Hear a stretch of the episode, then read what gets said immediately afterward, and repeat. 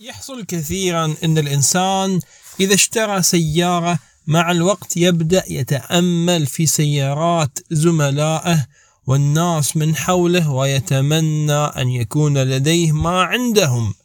كذلك الأمر في الهواتف والبيوت وغيرها من النعم. الإنسان لما يمتلك الشيء يبدأ يمل من هذا الشيء ويتطلع للجديد. ولا يرضى بما لديه.